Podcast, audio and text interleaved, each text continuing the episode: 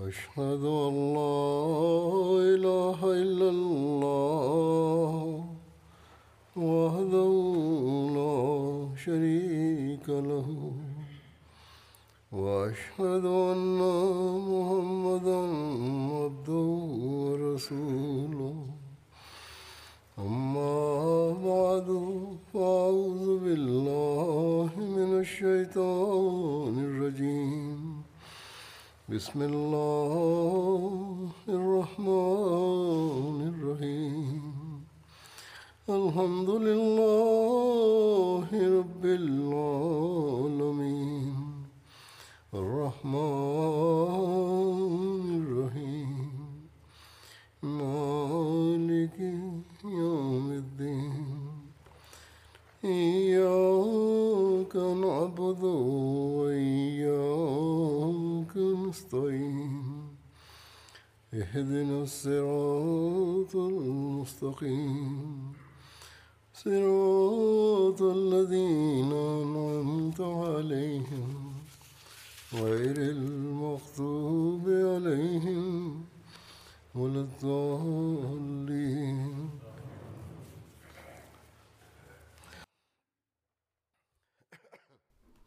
Beberapa hari yang lalu, saya telah melakukan lawatan ke beberapa jemaat di Amerika. Sebagaimana yang Anda ketahui,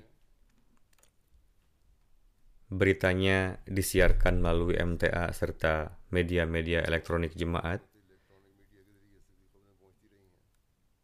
Dengan karunia Allah Ta'ala, lawatan ini berjalan dengan baik. Selain itu, saluran televisi komersial pun telah melakukan liputan yang luas mengenainya. Pemandangan karunia-karunia Allah Ta'ala nampak dari segala segi. Kunjungan ini memberikan dampak positif bagi internal maupun eksternal jemaat. Seorang khadim berkata kepada salah satu temannya bahwa ada beberapa pemikiran yang timbul dalam benak saya berkenaan dengan jemaat dan khilafat yang sekarang telah hilang sama sekali karena kunjungan ini.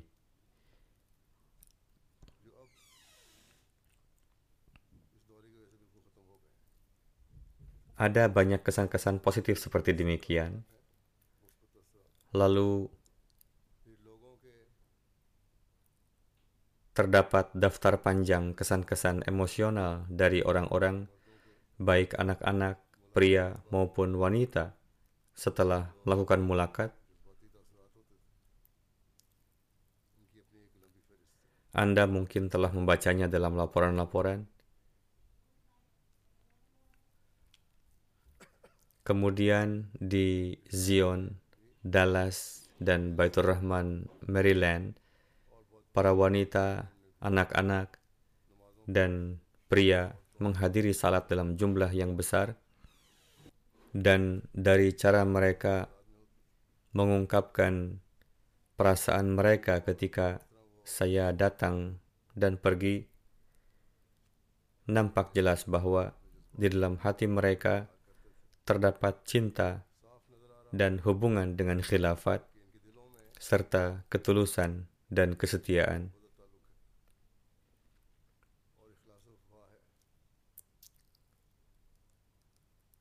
Kalangan terpelajar, para hartawan, juga orang-orang yang sibuk dalam hal duniawi, mereka antri berjam-jam untuk mendapatkan tempat di masjid.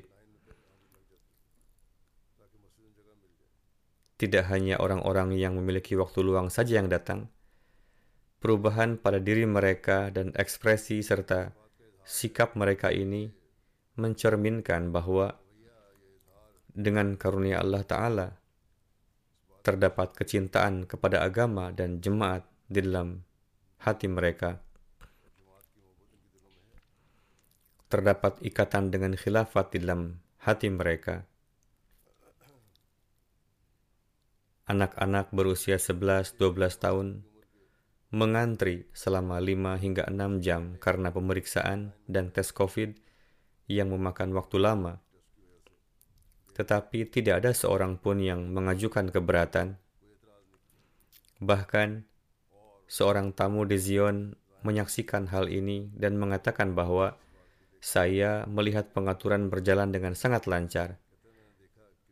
Dilakukan pemeriksaan yang memakan waktu, namun meskipun demikian, tidak ada keberatan baik dari para tamu maupun para anggota jemaat.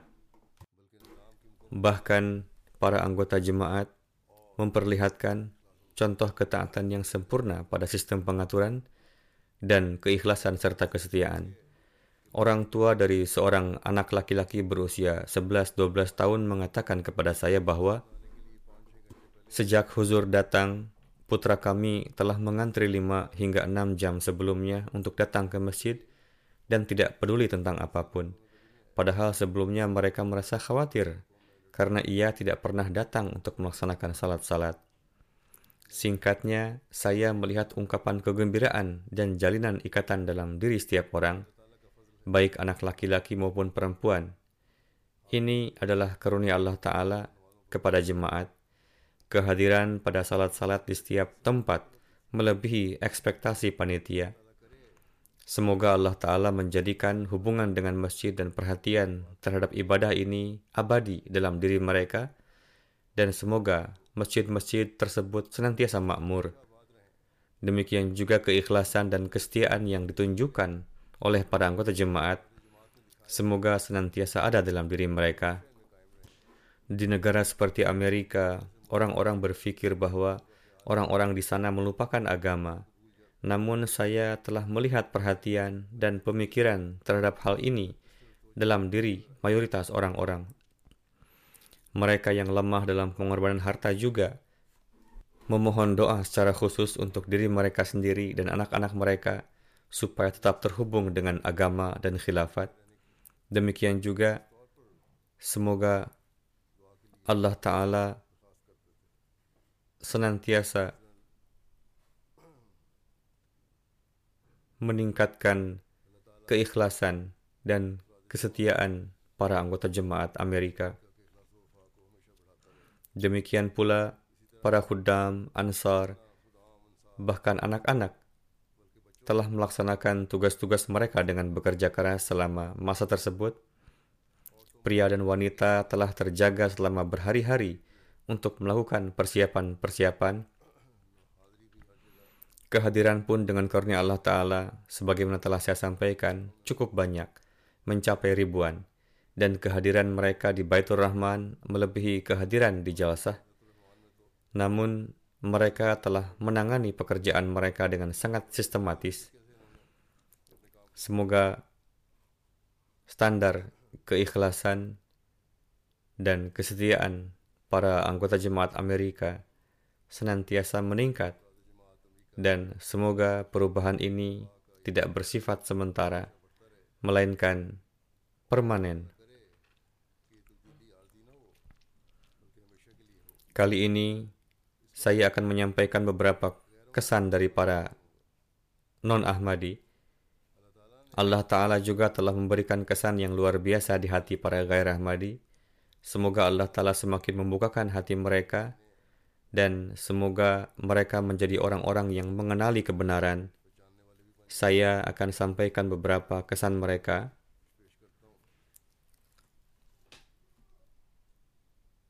161 tamu non-muslim dan non-Ahmadi berpartisipasi dalam acara yang diselenggarakan kaitannya dengan Masjid Fatah Azim yang telah dibangun di Zion, termasuk di antaranya para anggota kongres laki-laki dan perempuan, wali kota, dokter, profesor, insinyur, perwakilan lembaga keamanan, dan orang-orang dari berbagai bidang.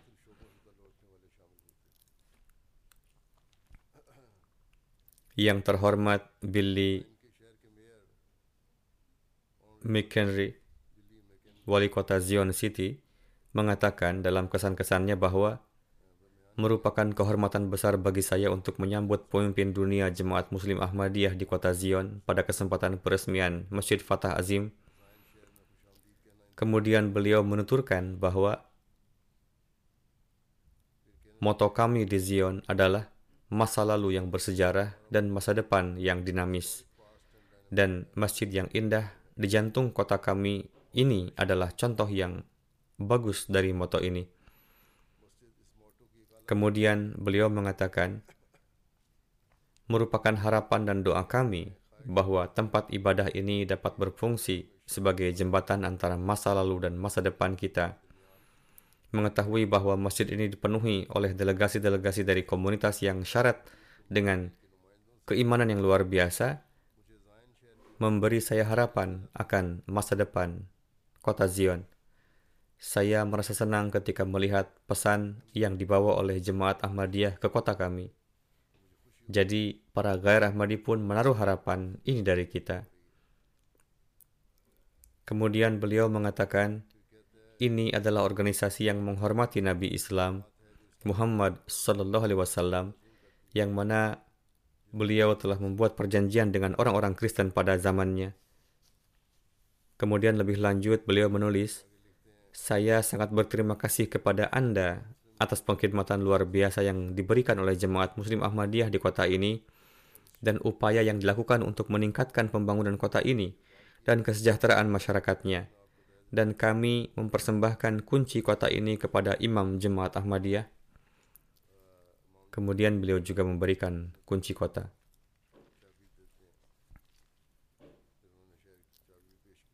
Wali kota Zion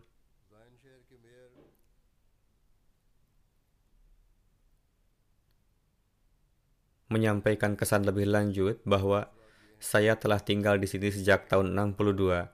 Program ini merupakan program bersejarah bagi kota Zion dan jemaat. Kemudian beliau juga mengatakan kepada saya dengan cara yang emosional bahwa hari ini Anda telah membuat saya kehilangan kata-kata dan saya merasakan kehadiran Anda sangat positif. Anggota Majelis Umum Illinois yang terhormat Joyce Mason menuturkan dalam kesan-kesannya bahwa suatu kehormatan bagi saya untuk menjadi bagian dari acara bersejarah peresmian Masjid Fatah Azim di sini, di Zion. Zion memiliki makna sejarah bagi komunitas Muslim Ahmadiyah. Hari ini adalah hari yang spesial untuk kota ini Zion adalah tempat yang didirikan pada awal abad terakhir oleh Alexander Dowie yang ingin menjadikannya kota teokratis yang gerbangnya tertutup bagi semua orang kecuali para pengikutnya. Tapi hari ini kota Zion adalah rumah bagi orang-orang dari berbagai agama yang berbeda.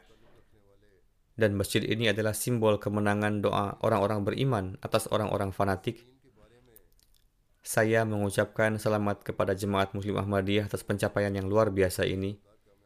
Mubahalah ini juga telah dikenal dengan baik oleh para gairah Ahmadi.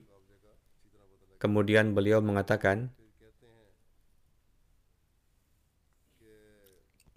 Imam Jemaat Ahmadiyah adalah pemimpin Muslim terkemuka dalam mempromosikan perdamaian.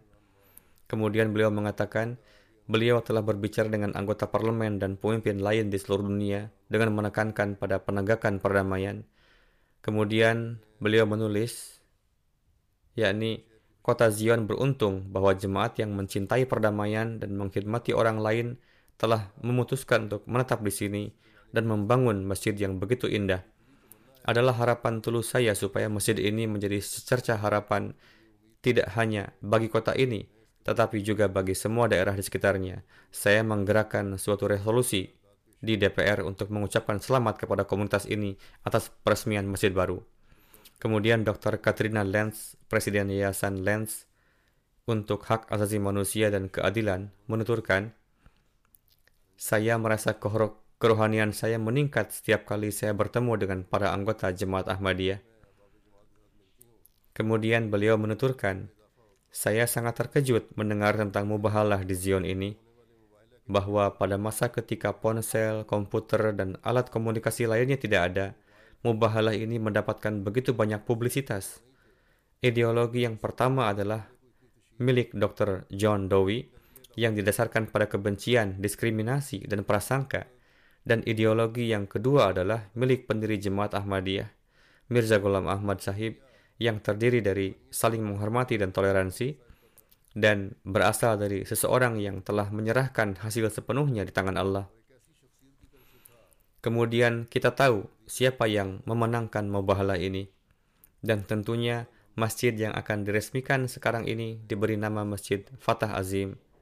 Maknanya adalah suatu kemenangan besar yang diraih Jemaat Ahmadiyah dan pendiri Jemaat Ahmadiyah dalam mubahalah ini.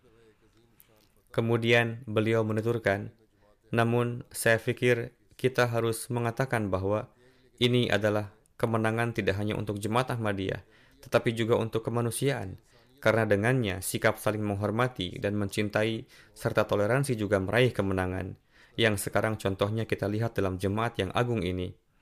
Kemudian beliau mengatakan, hari ini di saat kita duduk di sini, di lingkungan yang indah dan damai ini, kita juga harus mengingat para Ahmadi yang ada di Pakistan yang tengah menghadapi penganiayaan, kekerasan, dan kebencian yang tak terperikan, yang bahkan dengan kehadiran pemerintah pun mereka merasa sendirian.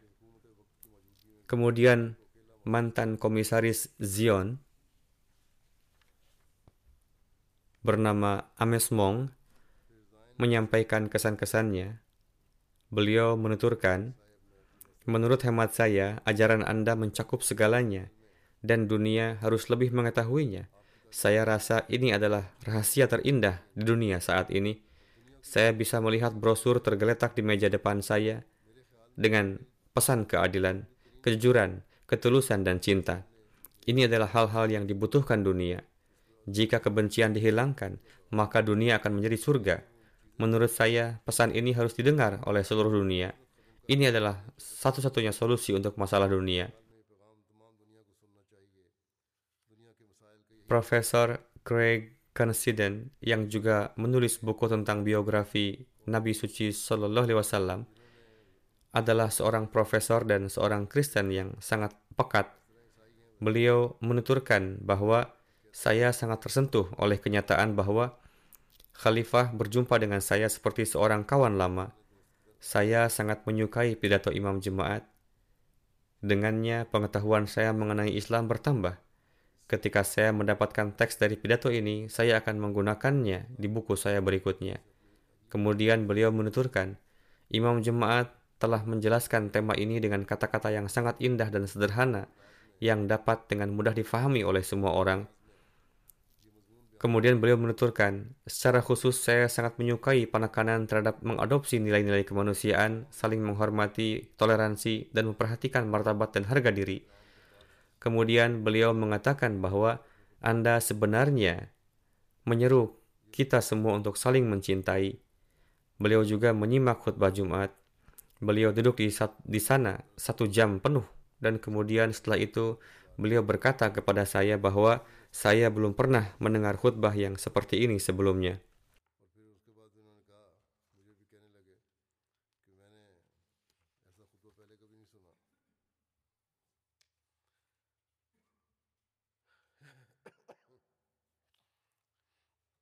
Melody Hall, seorang tamu dari Illinois, berkata, "Saya seorang manajer pengembangan produk. Program ini sangat menarik. Saya sangat menikmatinya pesan imam jemaat bahwa tidak ada tempat bagi orang fanatik dalam masyarakat adalah pesan yang luar biasa. Melihat Anda dan mendengarkan perkataan Anda adalah perasaan positif yang sangat unik. Saya sangat menikmati dan menyukai perkataan imam jemaat bahwa senjata yang kita miliki adalah senjata doa. Seorang tamu lain, Jeff Fender, menuturkan bahwa saya adalah akuntan publik bersertifikat dan juga melakukan pekerjaan real estate, ini adalah pengalaman pertama saya. Saya sangat terkesan. Datang ke sini untuk peresmian masjid adalah kesempatan berharga dalam hidup saya. Kemudian berkenaan dengan pidato, beliau menuturkan bahwa saya sangat terkesan dengannya dan mendapatkan informasi baru mengenai Anda sekalian. Kemudian Beliau mengatakan bahwa seruan mubahalah adalah suatu hal yang baru bagi saya dan saya akan membaca lebih lanjut mengenainya. Demikian pula pintu pertabligan menjadi terbuka karenanya. Seorang guru SMA bernama Matrender juga datang. Beliau menuturkan, bagi saya, cara imam jemaat menyampaikan pesan dan memberi pemahaman adalah sangat baik. Banyak orang seperti saya yang dapat dengan mudah memahami pesan ini.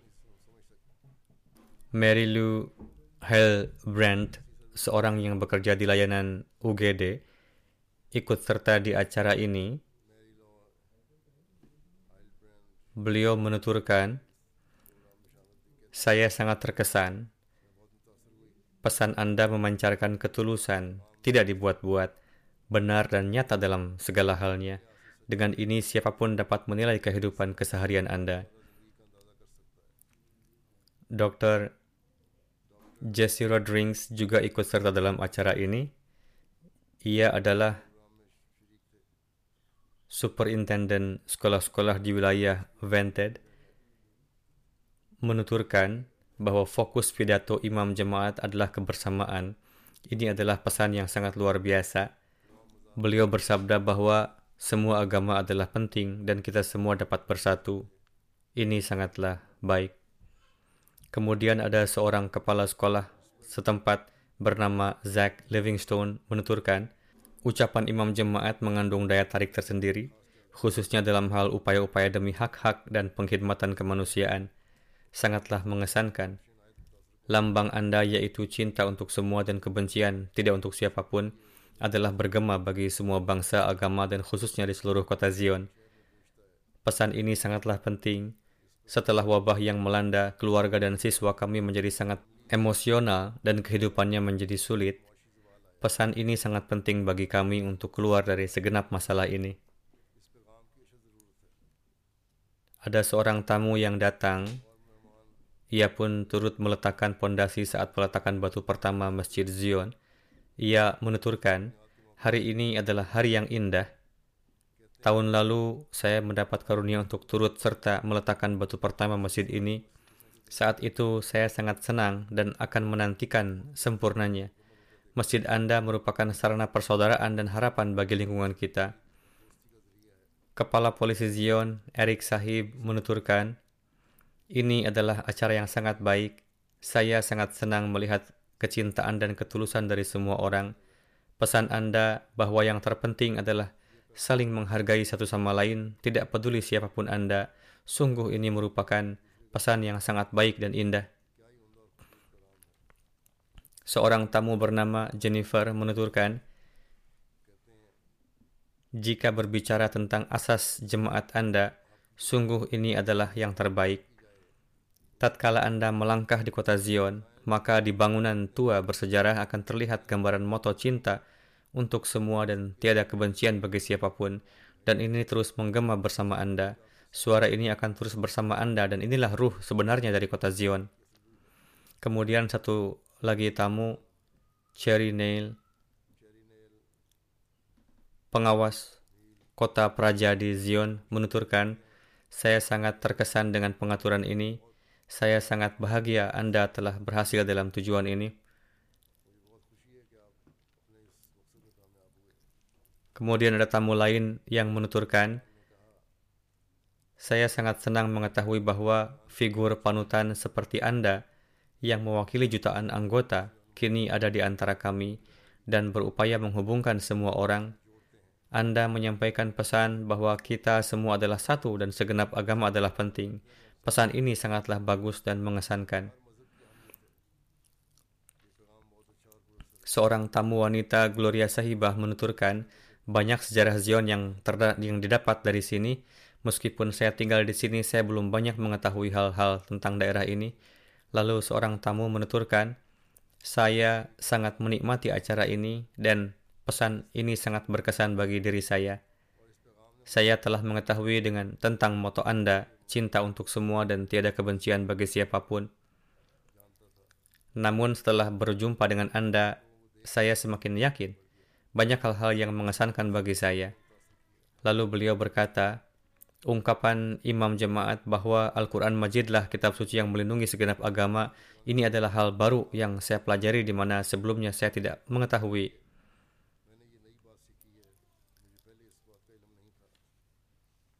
Lalu seorang profesor dari India bernama Shabana Shankar Sahiba, beliau berjumpa dengan saya. Beliau adalah profesor di State Universitas of New York. Ia pun pernah meneliti di Abdul Salam Research Center di Italia. Beliau pernah juga tinggal di Ghana. Beliau mengatakan kepada saya, Anda dahulu pernah tinggal di Ghana, namun pekerjaan Anda terus hidup. Ia berkata demikian di saat pembicaraan. Profesor ini menuturkan, saya telah bertemu dengan banyak profesor di Afrika yang telah menuntut ilmu dari sekolah wanita Ahmadiyah. Ini adalah sekolah terbaik untuk anak-anak perempuan. Ia ingin mengungkapkan berbagai pengkhidmatan dan sejarah yang diberikan jemaat di Afrika, dan ia ingin menulis satu buku tentang para Ahmadi di wilayah Afrika Barat.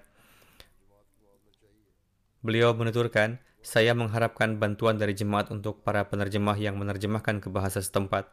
Untuk hal ini saya telah sampaikan bahwa insya Allah kami akan membantu di mana pun Anda membutuhkan, Bahkan kepada negara selain Ghana pun saya telah sampaikan agar turut membantu.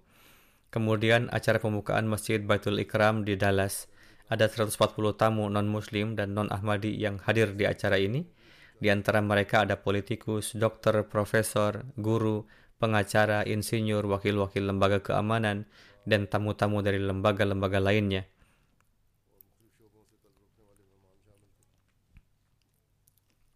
Carl Pleman Shark, seorang anggota Dewan Kota Allen yang sebelumnya juga telah turut menyerahkan kunci kota, ia dalam menyampaikan perasaannya menuturkan, keikutsertaan saya hari ini adalah eh, dalam cara peresmian bersejarah Masjid Baitul Ikram adalah satu kehormatan yang luar biasa.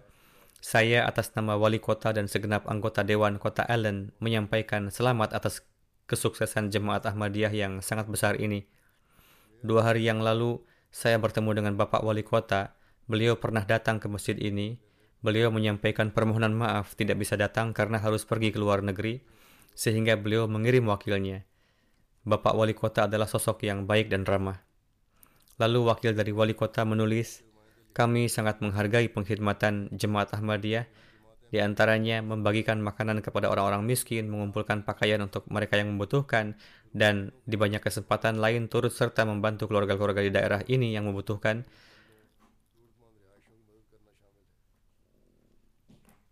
Lalu menuturkan, ini adalah keberuntungan kota Allen di mana ada satu jemaat pecinta perdamaian dan memiliki semangat kemanusiaan telah memilih kota ini dan membangun masjid indah ini di kota ini.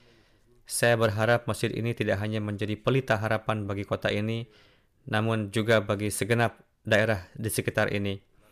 Allen adalah satu kota yang terhubung langsung dengan kota Dallas, dan saat ini kurang lebih telah menjadi bagian kota itu.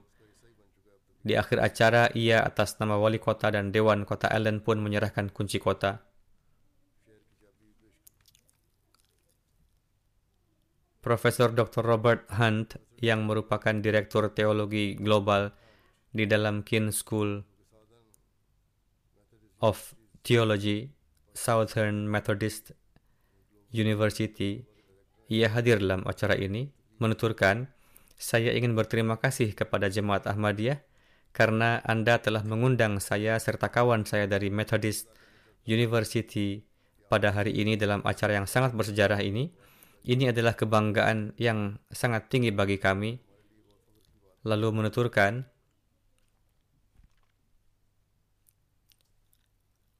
pemimpin jemaat yaitu Imam Jemaat Ahmadiyah mempersembahkan dirinya demi menyebarkan dua nilai. Pertama yaitu kebebasan beragama, kedua komunikasi dan dialog antar agama. Kedua nilai ini memiliki kaitan erat satu sama lain. Karena jika di dalam hubungan beragama tidak ada sikap saling memahami dan saling menghormati, maka seruan perpecahan akan semakin menguat. Dan saya menyampaikan hal ini berdasarkan pengalaman separuh masa kehidupan dewasa saya di negara di mana saya sendiri termasuk dalam kelompok minoritas.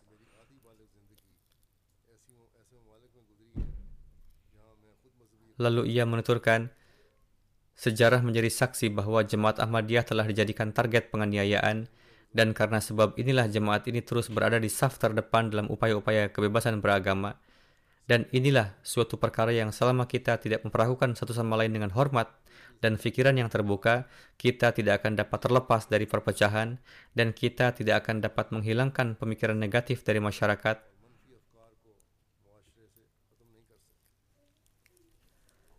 Kemudian seorang anggota Kongres dari Partai Republik yang terhormat Michael McCall mengungkapkan pandangannya. Ia menuturkan, tiga agama, yakni Yahudi, Kristen, dan Islam, mereka saling terkait di dalam sejarah mereka dengan sosok Hadrat Ibrahim alaihissalam. Kemudian ia berkata kepada saya, Anda beritikad bahwa ketiga agama ini dapat hidup dengan damai melalui keterkaitan dengan Hadrat Ibrahim. Apakah ada lagi yang lebih berpengalaman dalam hal ini selain jemaat Ahmadiyah? Lalu ia berkata, saya mendapat kesempatan untuk berbincang dengan imam jemaat berkenan dengan Hadrat Isa alaihissalam serta ajaran jemaat Ahmadiyah tentang perjanjian lama dan Injil. Alhasil, perbincangan terus berjalan dan saat itu ia pun memegang kitab Al-Masih di Hindustan. Ia berkata, saya telah membaca setengahnya dan masih melanjutkannya. Ini sangat menarik dan saya akan menelitinya lebih lanjut. Banyak hal baru tentang Hadrat, Hadrat Isa yang saya ketahui dari kitab ini. Ia adalah sosok yang berpendidikan dan menaruh perhatian dengan hal keagamaan.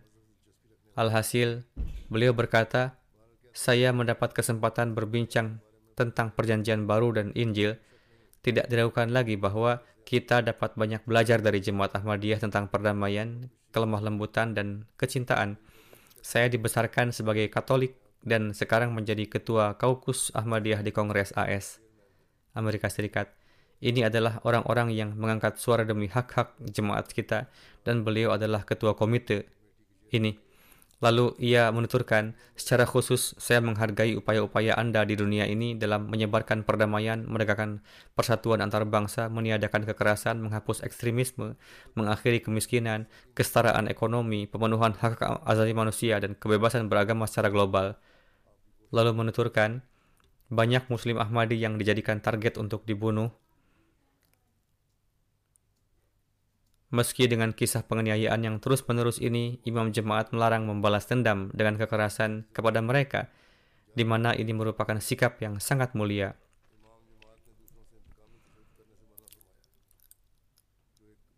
Lalu menuturkan,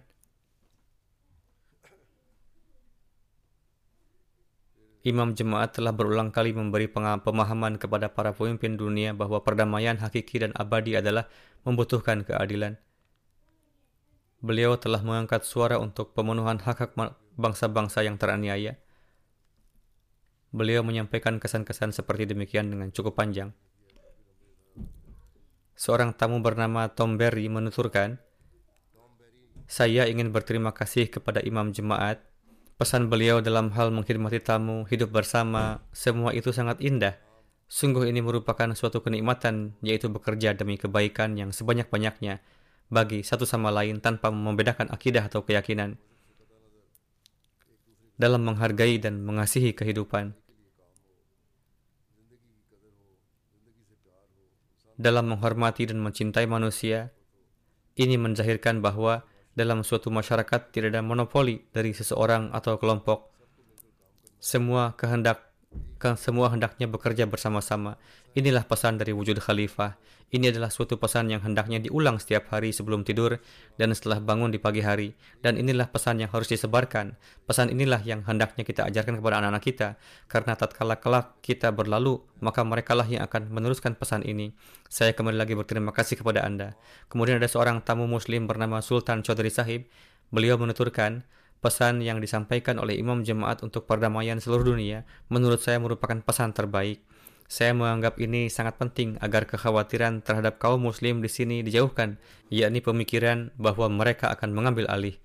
Beliau telah menerangkan bahwa karena kini tidak ada rencana jahat untuk menghancurkan kaum muslim, tidak ada yang berupaya untuk ini, maka tidak ada alasan bagi umat muslim untuk merencanakan suatu peperangan.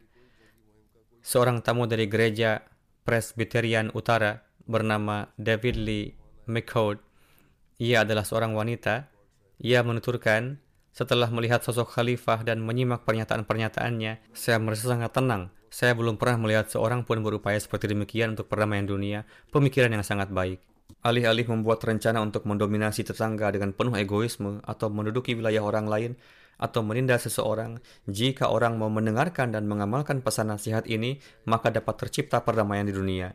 Saya berharap kita dapat mendengar lebih banyak pidato yang mempromosikan perdamaian dan mengingatkan orang-orang bahwa mereka harus selalu berusaha dan bekerja untuk terciptanya perdamaian.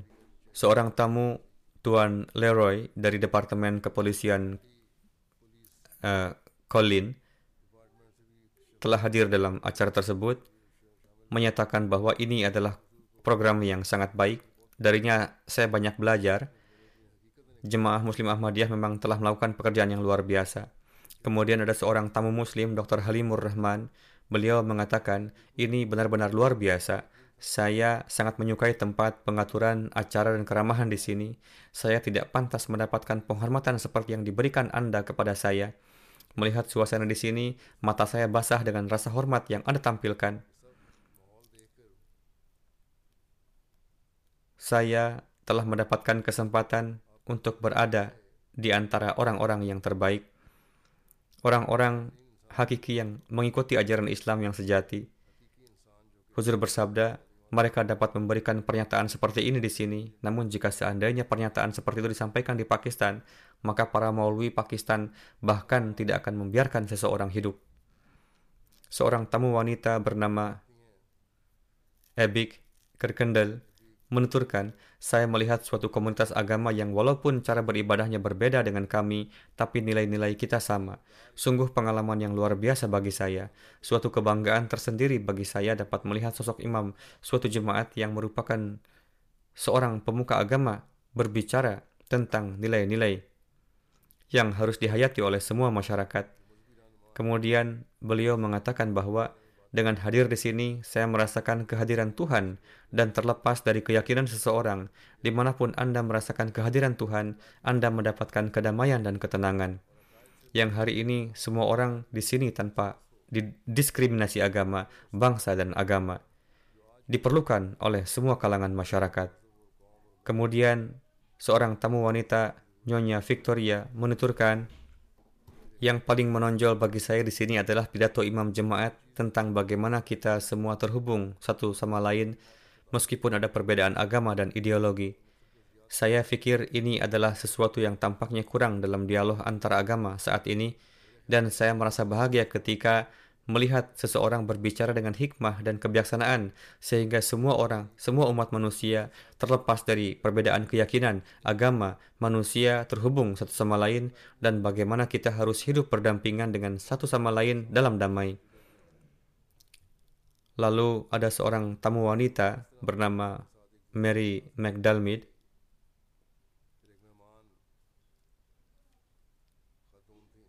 Rumah beliau berdekatan dengan masjid kita di Dallas dan memiliki lahan tanah yang luas.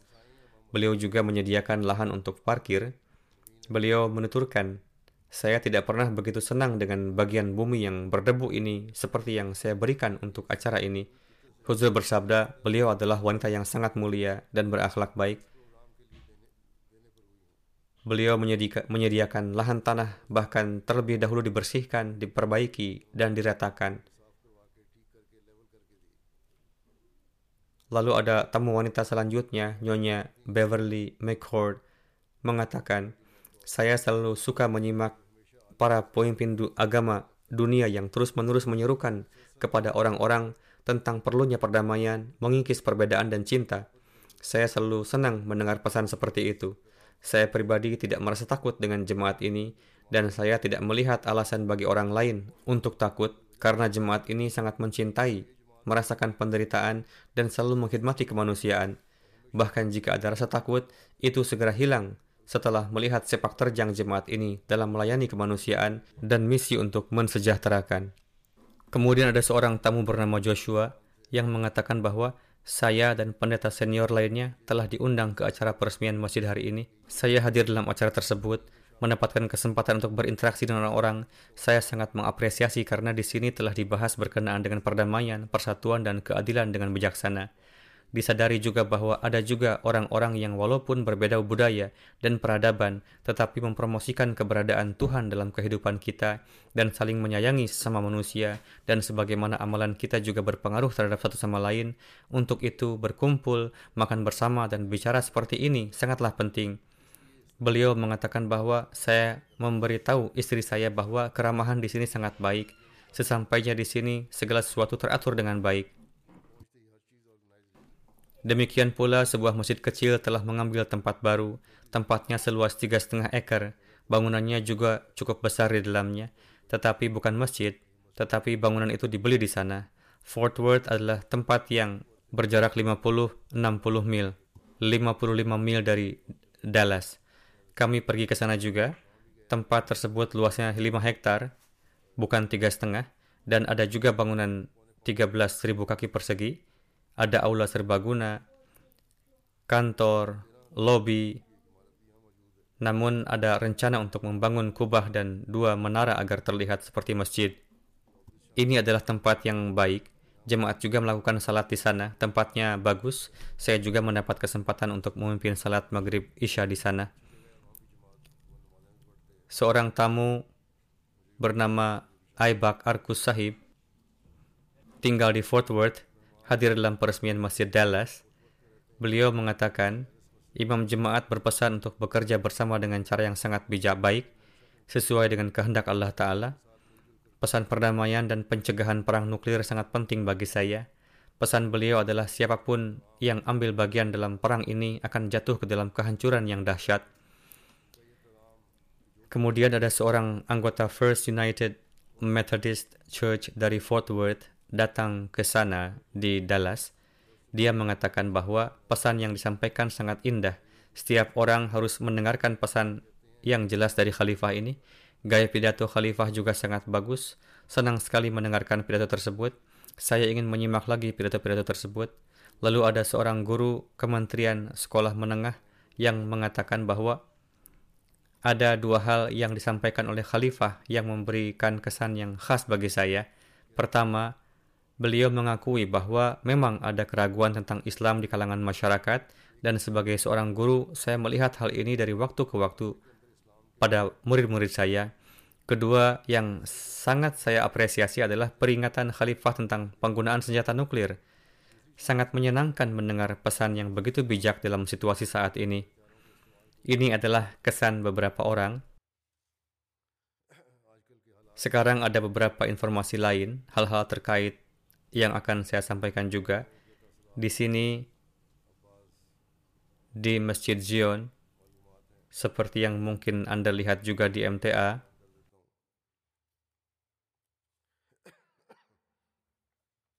ada sebuah pameran tentang Mubahalah Dowi dan menampilkan clipping surat kabar yang telah diterbitkan oleh berbagai surat kabar. Hadrat Masih Maud salam telah menulis nama 32 surat kabar dalam buku Majmu'ah Ishtiharat jilid 3 dan seiring itu juga beliau menulis bahwa surat kabar-surat kabar ini hanya yang sampai kepada kita saja. Diketahui banyak hal-hal baru yakni disebutkan hal tersebut dalam ratusan surat kabar. Sebagaimana jemaat Amerika melakukan penelitian lebih lanjut dalam hal ini dan menemukan lebih banyak surat kabar, Selain dari 32 surat kabar yang disebutkan Hadrat Masih Maud salam itu, di dalamnya ada 128 surat kabar lain yang menyebutkan tantangan mubahalah kepada Dowi. Dengan demikian, jumlah surat kabar ini meningkat menjadi 160. Pada zaman Hadrat Masih Maud salam, 160 surat kabar memberikan pernyataan ini tentang Amerika. Semua surat kabar ini hadir dalam bentuk digital pada pameran yang diselenggarakan oleh Masjid Fatah Azim dan orang-orang datang untuk menyaksikannya. Kemudian dunia pun mengabarkan tentang peresmian Masjid Zion. American News Agency Associated Press juga telah menerbitkan artikel tentang kunjungan saya ke Zion dan peresmian Masjid Fatah Azim. Judulnya Two Prophets Century Old Prayer Jewel Inspired Zion Mosque. artinya mubahalah yang terjadi 100 tahun yang lalu antara dua nabi telah menjadi pondasi berdirinya Masjid Zion.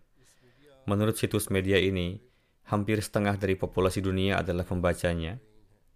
Artikel ini diterbitkan di total 412 outlet dan surat kabar di 13 negara di dunia, termasuk di antaranya Washington Post, ABC News, Toronto Star, The Hill, dan banyak surat kabar terkenal lainnya. Artikel ini juga termasuk di antara 10 artikel teratas Associated Press. Maksudnya termasuk dalam 10 artikel penting. Artikel tersebut menyatakan bahwa mukjizat suci telah terjadi di Zion 115 tahun yang lalu. Jutaan Muslim Ahmadi di seluruh dunia percaya akan hal ini. Jemaat Ahmadiyah memberikan makna keagamaan khusus terhadap kota kecil di tepi danau Michigan ini yang jaraknya 40 mil dari Chicago. Keterikatan jemaat Ahmadiyah dengan kota ini dimulai lebih dari satu abad yang lalu dengan mubahalah dan nubuatan. Kota Zion didirikan pada tahun 1900 sebagai teokrasi Kristen oleh John Alexander Dowie seorang penginjil dan pengkhotbah Pentakosta pada masa awal, Ahmadiyah percaya bahwa pendiri mereka, Hadrat Mirza Ghulam Ahmad Sahib, membela Islam sebagai tanggapan atas penistaan dan serangan Dowi terhadap Islam dan mengalahkannya dalam peperangan rohani hanya dengan menggunakan senjata doa. Hampir semua penduduk Zion saat ini tidak memiliki pengetahuan tentang perang suci kuno ini, tetapi bagi Ahmadi, perang suci ini adalah perang yang telah menjalin hubungan abadi dengan kota Zion. Ribuan Muslim ah Ahmadiyah dari seluruh dunia berkumpul di kota itu untuk memperingati mukjizat berusia seabad dan untuk merayakan peresmian Masjid Ahmadiyah pertama di kota itu, yang merupakan sebuah tonggak penting dalam sejarah kota Zion dan keyakinan mereka. Kemudian lebih lanjut tertulis, dikatakan bahwa Para Ahmadi meyakini bahwa pendiri Ahmadiyah yang lahir pada tahun 1835 adalah seorang pembaharu yang telah dinubuatkan kedatangannya oleh pendiri Islam.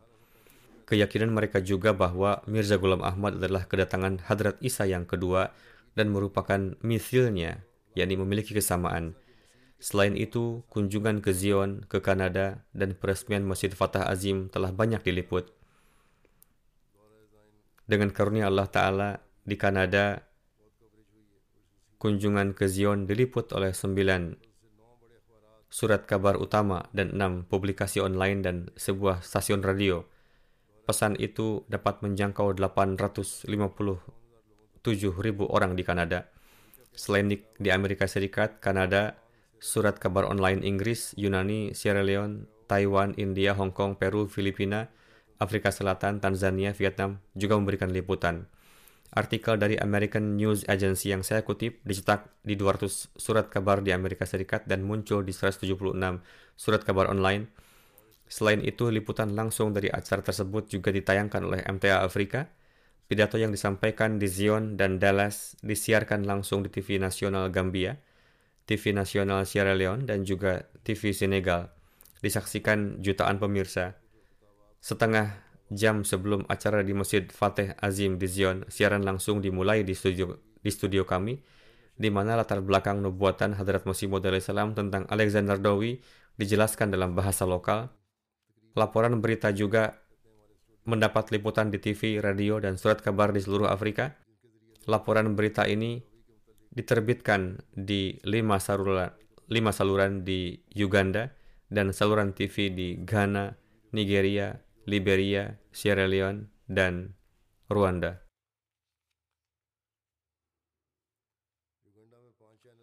Amir Sahib Sierra Leone menulis bahwa 20 tahun lalu ada seorang temannya yang bayat pada kesempatan jalsa salanah Inggris tahun itu. Ketika melihat tayangan mengenai Zion, beliau mengatakan bahwa pada malam ketika saya bayat, saya sangat menyesal karena saya telah berlambat-lambat untuk bayat. Namun jika saya katakan sejujurnya, pada hari ketika saya menyaksikan tayangan Masjid di Zion, saya katakan kepada diri saya sendiri, jika seandainya Amir Sahib menceritakan kisah Alexander Dowie kepada saya dulu, maka mungkin saja saya beat 20 tahun lalu. Saya tidak pernah lebih diyakinkan oleh peristiwa keagamaan seperti oleh penggenapan nubuatan mengenai Zion. Saya telah melihat tantangan terbesar saat itu, dan hal terbesar adalah bahwa peristiwa ini terjadi di zaman kita di bawah pengawasan penuh media barat. Hadrat Imam Mahdi telah menubuatkan sedemikian rupa, seolah-olah beliau ada di sana pada saat Tuhan membuat keputusan. Beliau mengatakan bahwa menurut hemat saya, kapan pun kita bertablik kepada gairah Mahdi, kita seharusnya menjelaskan perihal nubuatan Zion. Karena itu adalah nubuatan dan argumen yang sangat efektif. Pada hari ketika saya bayat, saya merasa bahwa mungkin saya telah membuat keputusan yang tepat, namun setelah mengetahui nubuatan Zion, saya dapat menarik nafas lega dan sepenuhnya yakin bahwa pencarian kebenaran yang saya lakukan selama 20 tahun tidak sia-sia. Saya yakin bahwa saya telah membuat keputusan yang tepat. Selain itu, di antara kegiatan yang dilakukan di sana, menerima kunjungan duta besar Ghana dan Sierra Leone di masjid di Washington, kami membicarakan tentang situasi di negara mereka. Pertemuan berlangsung dengan baik, kemudian dilakukan juga pertemuan dengan para mubayin baru. Sekitar 45 orang telah datang ke sana. Saya pun menginstruksikan kepada mereka untuk mencari para Ahmadi lama keturunan Amerika – dan mereka telah mencari beberapa dari mereka, dan Mubayin baru di sana pun menghadapi penentangan. Namun mereka tetap teguh dalam keimanannya. Seorang Mubayin baru menyatakan bahwa ketika keluarganya mengetahui bahwa ia telah bayat, pihak keluarga menentangnya dan kemudian meninggalkannya. Kemudian ada seorang Ahmadi dari Bangladesh mengatakan, Pak Mubalik telah meluangkan banyak waktu untuk menjelaskan kepada saya dengan penuh kesabaran dan sekarang saya telah mengerti. Beliau mengatakan kepada para mubayin baru lainnya bahwa Ahmadiyah adalah Islam yang benar, jadi jangan pernah tinggalkan Ahmadiyah. Seorang mubayin baru berkebangsaan Amerika bernama Christopher yang bayat dari agama Kristen, beliau meminta untuk bayat langsung kepada saya. Lalu dilakukan prosesi bayat. Acara bayat tersebut berdampak baik pada orang-orang di sana. Banyak sekali para Ahmadi lama atau orang-orang yang hadir pada saat itu, juga para pencari suaka dari Pakistan dan dari negara-negara lain, mereka juga mendapat kesempatan untuk ikut bayat dan saat itu diliputi oleh suasana yang penuh haru. Namun berkat rahmatnya, Allah Ta'ala telah memberkati kunjungan ini dengan karunia-Nya dalam segala hal. Semoga Allah Ta'ala selalu memberikan anugerahnya di masa